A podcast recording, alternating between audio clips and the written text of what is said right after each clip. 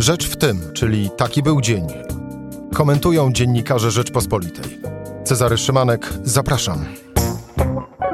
Wtorek, 29 grudnia. Pandemia rządziła światem w 2020 roku. Pandemia koronawirusa.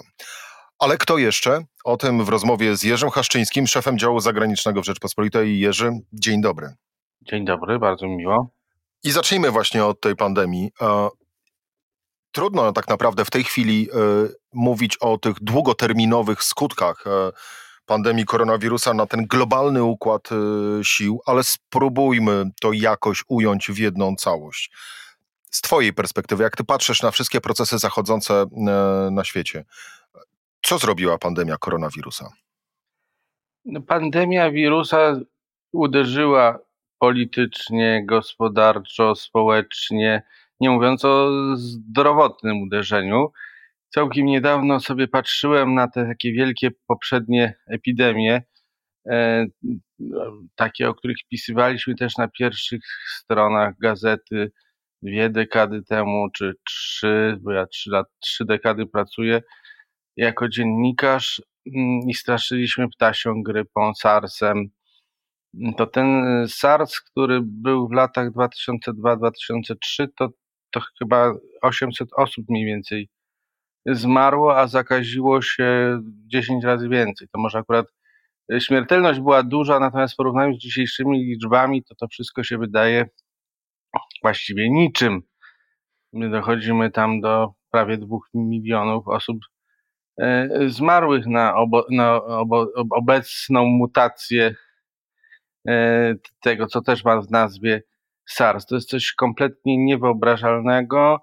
E, na takie podsumowania polityczne, bo się zajmuję głównie polityką, to pewnie jeszcze przyjdzie w ogóle czas. Mieliśmy... Ale Jurek, ale czy możemy już teraz mówić o, o pierwszych oznakach zmiany układu sił w skali globalnej, yy, które można wiązać właśnie z epidemią? No to na pewno.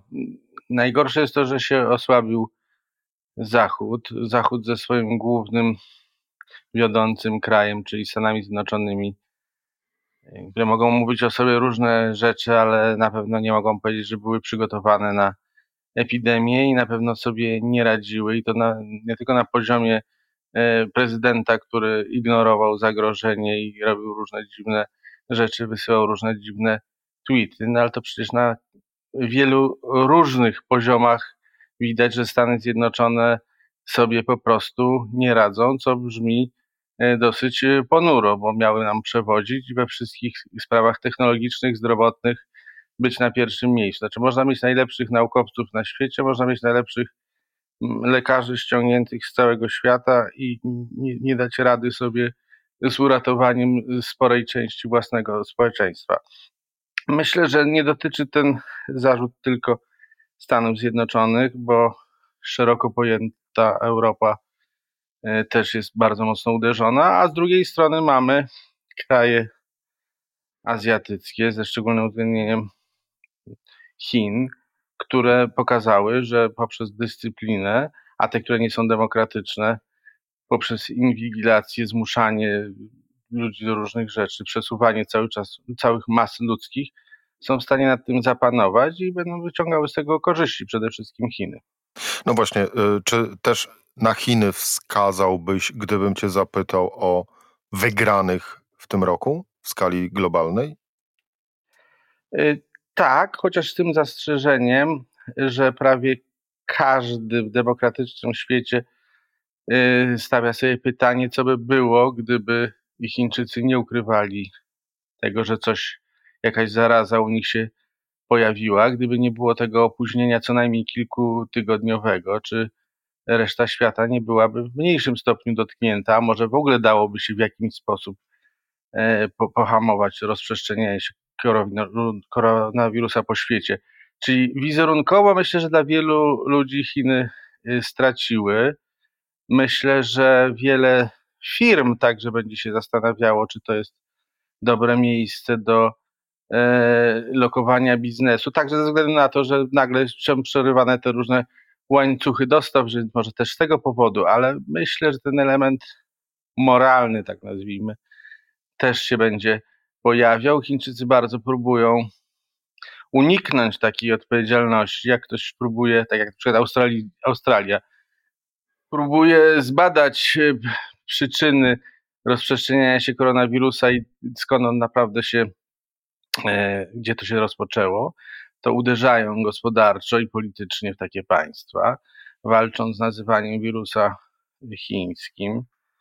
Co no Hiszpanka mówi do dzisiaj, a Hiszpania miała mniej do czynienia e, z wirusem hiszpanki niż, niż mają Chiny z wirusem koronawirus, niż wirusem covidowym.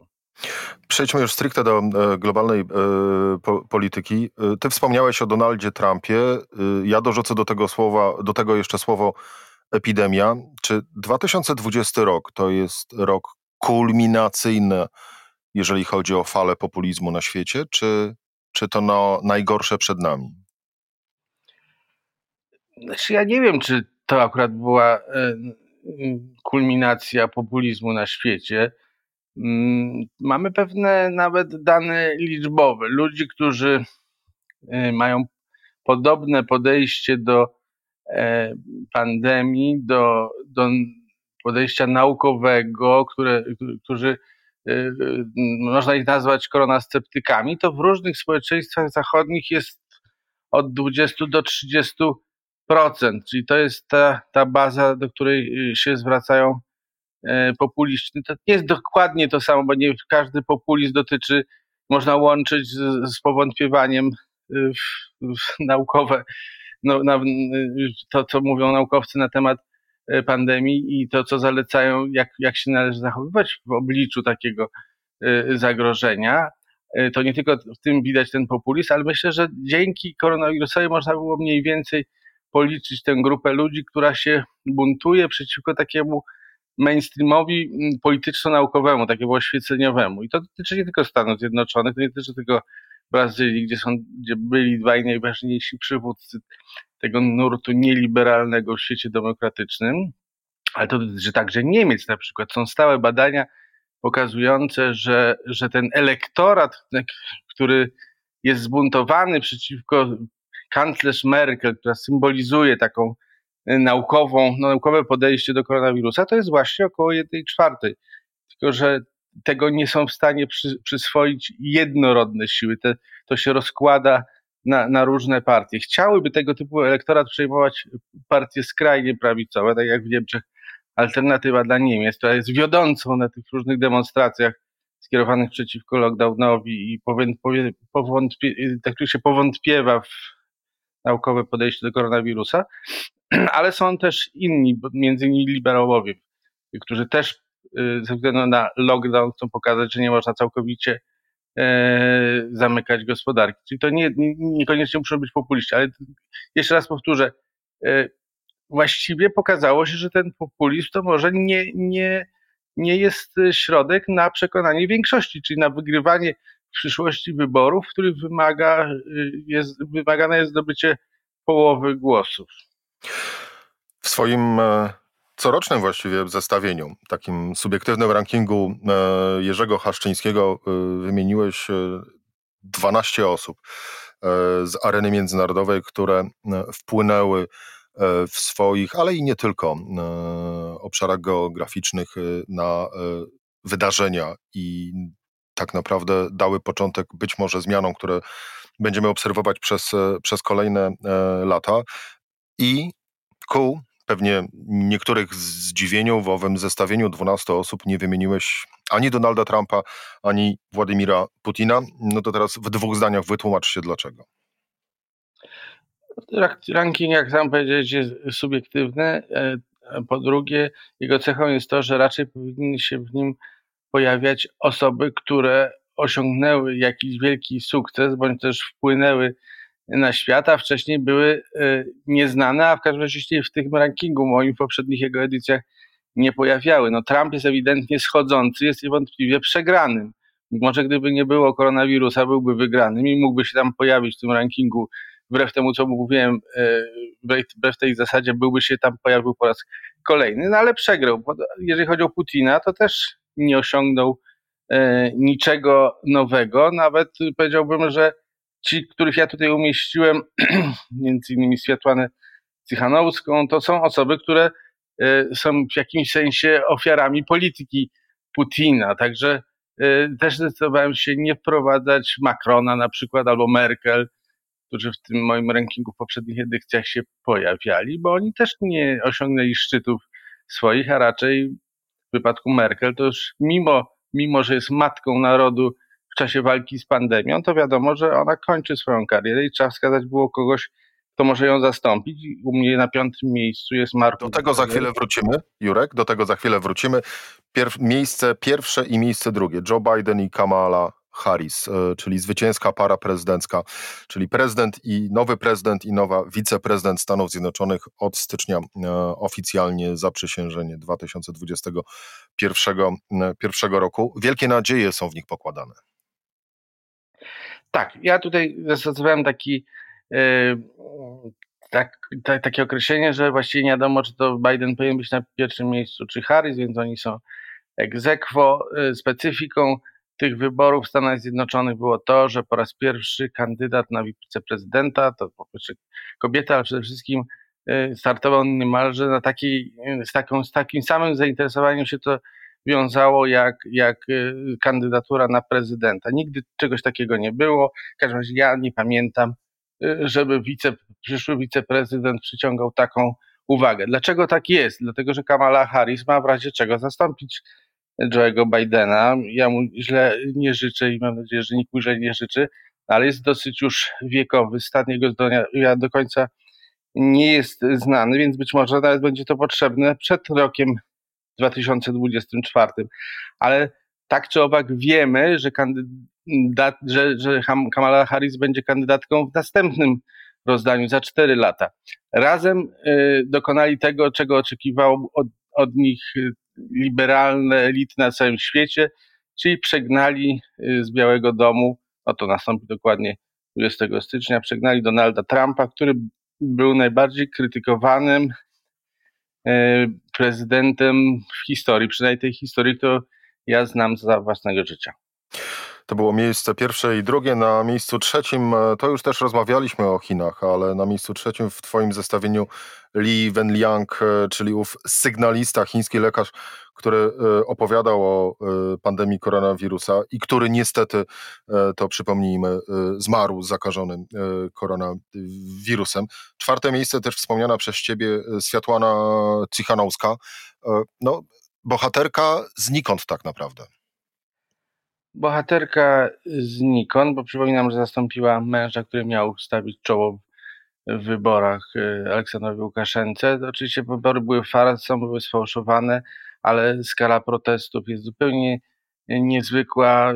Ja się zajmowałem Białorusią 20 parę lat temu, kiedy Łukaszenka zaczynał. Y, jeździłem tam do Mińska i co chwilę słyszałem, że to on już nie przetrwa do zimy, zaraz przegra jest do dzisiaj i wydawało się, że nigdy nie będzie takiego społecznego poruszenia przeciwko niemu, że on właściwie będzie mógł sobie syna namaścić, czy kogo tam będzie chciał. Po raz pierwszy przez tyle lat, po tylu latach pojawił się naprawdę bardzo silny, oddolny ruch, na którego czele stanęła przez przypadek Tichanowska. Niestety, no mamy już e, koniec grudnia a to protesty trwają od początku sierpnia, czyli prawie 7 miesięcy, e, tak, 7, źle liczę, 5 miesięcy. 5 miesięcy. Tak, 5 miesięcy. Widać, że protesty w normalny sposób się wypalają, ale i tak są cały czas olbrzymie. Szczególnie może przykre jest to, że mimo, że chyba każdy przywódca zachodni chciał się spotkać z Tichanowską, prawie wszyscy się z nią sfotografowali, no to pomoc zarówno finansowa, jak i polityczna ze strony naszego Zachodu jest umiarkowana, co jest bardzo złą lekcją dla Białorusinów, zostać zostawieni sami sobie. No, ale tak czy owak Nowa Białoruś ma twarz Światłany Cichanowskiej. A o tym, jak będzie, to na pewno będziemy rozmawiać e, tuż po nowym roku. Podsumowując dalej 2020 e, rok, e, Markus Zeder, bo o nim również wspominasz w swoim zestawieniu. Miejsce numer piąte, czy to będzie nowy kanclerz Niemiec? No gdybym dzisiaj miał stawiać, to powiedziałbym, że tak. To, to się rozstrzygnie na wiosnę trwa walka o przywództwo w obu, o przywództwo przede wszystkim głównej partii chadeckiej w Niemczech, czyli w CDU, a on jest szefem bawarskiej CSU, partii siostrzanej, ale y, głośno się mówi o tym, że może zostać y, właśnie wybrany szef CSU na kandydata w wyborach wrześniowych do Bundestagu. Tak się zdarzyło parę razy, dwa razy dokładnie tak się zdarzyło, tylko że wtedy to było nieskuteczne i ci kandydaci CSU przegrali i, i cała, cała partia chadecka i CDU-CSU była w opozycji w Niemczech. Teraz sytuacja wygląda w ten sposób, że jak nie dojdzie do jakiejś katastrofy, to po prostu CDU-CSU zmiecie konkurencję i, i, i ten, kto będzie wskazany na kandydata na, na kanclerza, to tak naprawdę jest już kanclerzem i dlatego ta walka, te, ten wybór trwa tak długo, bo to trzeba wybrać kogoś, kto będzie równie mocny jak Angela Merkel. Na miejscu e, szóstym osoba, która mówiła, że wskutek szczepionek, które będą aplikowane nam na zachodzie, e, to kobietom będą rosły e, brody, czyli Jair Bolsonaro, prezydent Brazylii. Dlaczego go umieściłeś w zestawieniu? Z dwóch powodów. Po pierwsze, dlatego, że jest to prezydent wielkiego kraju i będzie po odejściu Trumpa najważniejszym politykiem e, z tego nurtu populistyczno-nieliberalnego, denerwującego elity liberalne na całym świecie. Będzie przywódcą oczywiście w świecie demokratycznym, bo populistów nieliberalnym w świecie niedemokratycznym jest masa, no ale e, nimi się nie zajmujemy, bo ich się po prostu nie wybiera, więc nie interesuje. To jest jeden powód, właśnie jego przywódcza rola i po prostu będzie najważniejszy. Tak jak Trump jest w tej chwili najważniejszy, to będzie jedyny, który rządzi, ma taką e, pod sobą wielką władzę, to będzie Jair Bolsonaro.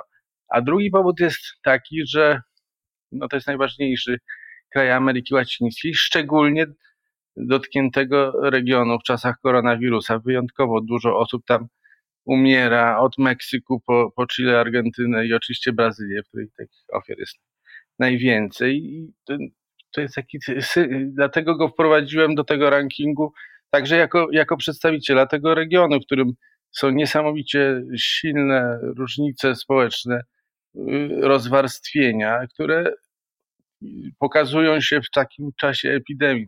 Czyli ta biedota jest dotknięta w szczególności. To jest też region, w którym demokracja nie jest zakorzeniona. Mniej więcej wtedy się pojawiła, kiedy w naszym, y, naszym środkowoeuropejskim regionie i też jest przez te, tę pandemię zagrożona. Więc jest, on też jest symbolem tego regionu. Miejsce siódme e, to e, człowiek, e, który wygrał wojnę za, z Armenią, czyli Ilham Alijew, prezydent Azerbejdżanu. Wskazujesz, że to niby w tej globalnej skali małe wydarzenie z pozoru, ale może mieć ono duże konsekwencje. No, to była dosyć duża wojna, trwała dosyć krótko, 44 dni, ale ofiar było sporo. Ale najważniejsze w niej jest to, że i przywykliśmy do tego, przynajmniej ja przywykłem, przez tyle lat się tym zajmuję, że jeżeli jakiś, jakiś region zostanie przez kogoś zajęty, a ktoś inny go straci, to, to to się tak już ciągnie. Latami, dekadami, kolejne pokolenia wiedzą, że tam Abchazji Gruzini nie odbiją, Naddniestrza E, Rosjanie nie opuszczą i Mołdawia nie będzie go kontrolowała i takie regiony są w różnych miejscach na świecie. I tak się wydawało, że będzie z Górskim Karabachem e, należącym formalnie, od, wszyscy to uznawali do e, Azerbejdżanu, a kontrolowanym przez Ormian, którzy sobie założyli tam republikę swoją, stworzyli rząd i normalnie to funkcjonowało, można było przejeżdżać z Armenii do Górskiego Karabachu. I nagle Azerbejdżan E, odbija to, pokazując, że odbicie ziem, które miały być stracone, jest możliwe i że wymaga to cierpliwości, e, budowania armii, nawiązywania nowych sojuszy, zdobywania dostaw, dostawców broni. Azerbejdżan, państwo muzułmańskie, korzystało z broni izraelskiej mniej więcej. Tym tropem mogą podążyć jakieś inne państwa. To nie jest to moje życzenie, żeby wybuchały na E, na świecie nowe wojny albo żeby się odgrzewały stare wojny, no ale należy się z tym liczyć, że inni mogą wziąć przykład z Ilhama Alijewa i też co, będą chcieli zostać bohaterami swoich narodów. Na miejscu ósmym Igor Matowicz, ale na miejscu dziewiątym i przy nim trzymajmy się na chwilę, Mohammed bin Zaid an Nahyan, czyli książę koronny Abu Zabi i najważniejszy człowiek w Zjednoczonych Emiratach Arabskich, a jak dodamy do tego jeszcze porozumienie z Izraelem, to wychodzi nam, e, no właśnie, czy wychodzi nam z tego geopolityczne wydarzenie roku? E, nawet ja nie wiem, czy tylko e, roku, bo zmiana podejścia państw arabskich, monarchii arabskich poza Jordanią, bo ona wcześniej Izrael zdawała, zmiana podejścia do Izraela jest czymś, czego nie można się było spodziewać. To jest tak jakby pogodzenie się z faktem, że Izrael będzie istniał i lepiej go mieć po swojej stronie w konflikcie z rywalem wewnątrz świata muzułmańskiego, czyli Iranem i lepiej robić z nim interesy, bo on sam jest usadowiony na Bliskim Wschodzie i, i doskonale rozumie specyfikę. Jest państwem szczególnie rozwiniętym militarnie, technologicznie, cybernetycznie i Zjednoczone Emiraty Arabskie ze swoim no de facto przywódcą Mohammedem bin Zayedem Annahyanem e, pierwsze to zrozumiały, pierwsze to wprowadzają w życie. Teraz trzeba powiedzieć, że po paru miesiącach, od kiedy oficjalnie ogłoszono normalizację, to, to te, te państwa tak współpracują, jakby się znały od dziesiątków lat. To jest sojusz strategiczny e, o zupełnie nie, nieznanej sile. A, drugi, a dru, drugą stroną tego jest to, że kolejne państwa arabskie a pewnie szerzej zaraz usłyszymy o państwach niearabskich, ale muzułmańskich, które też będą Izrael uznawały, co jest wielkim przełomem. Na miejscu dziesiątym Bandile Masuku, czyli polityk, który wywołał grozę, bo zapowiedział, że w jednej tylko prowincji RPA dla ofiar koronawirusa trzeba przygotować półtora miliona e, grobów. Później z tych słów się po części wycofywał. Na miejscu jedenastym Anders Tegnell, czyli główny epidemiolog e, Szwecji, a na miejscu dwunastym zamyka twoje e, subiektywne zestawienie Ingrida Simonyte, czyli od 11 grudnia premier Litwy. To będzie duża zmiana? Dla Litwy i dla polskiej mniejszości na Litwie? To jest już bardzo subiektywne. Ja wprowadzam Litwę, bo się tym po prostu e, bardzo interesuje. To może jest najbardziej y, e, kontrowersyjna postać na tej liście.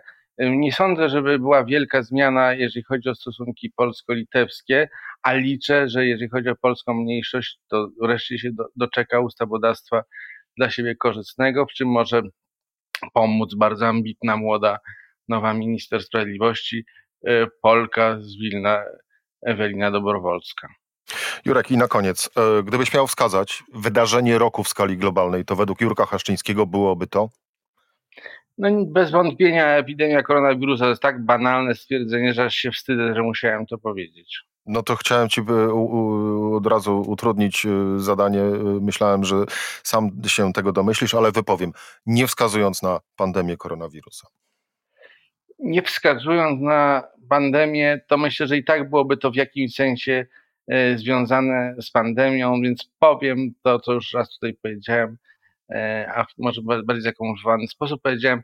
E, rosnąca rola Chin, które pokazują swoje pazurki i kły, już się tego nie wstydzą i powinni się wszyscy drżeć. To jeżeli chodzi o wydarzenie. Wymieniliśmy wspólnie, znaczy ja wymieniałem, ty tłumaczyłeś e, owych 12, e, a tak naprawdę 13, 12 e, nazwisk.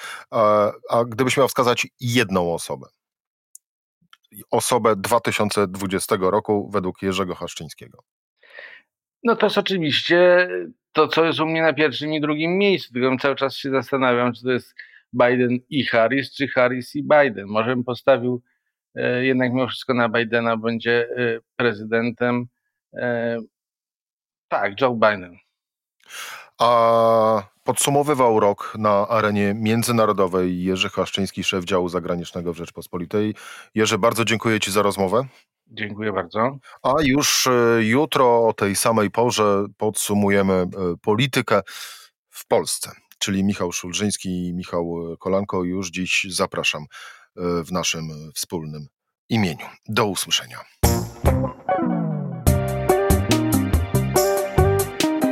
Rzecz w tym to codzienny program Rzeczpospolitej. Od poniedziałku do czwartku o godzinie 17. Wejdź na stronę podcasty.rp.pl, włącz subskrypcję kanału Rzecz w tym w serwisach streamingowych. Cezary Szymanek, zapraszam.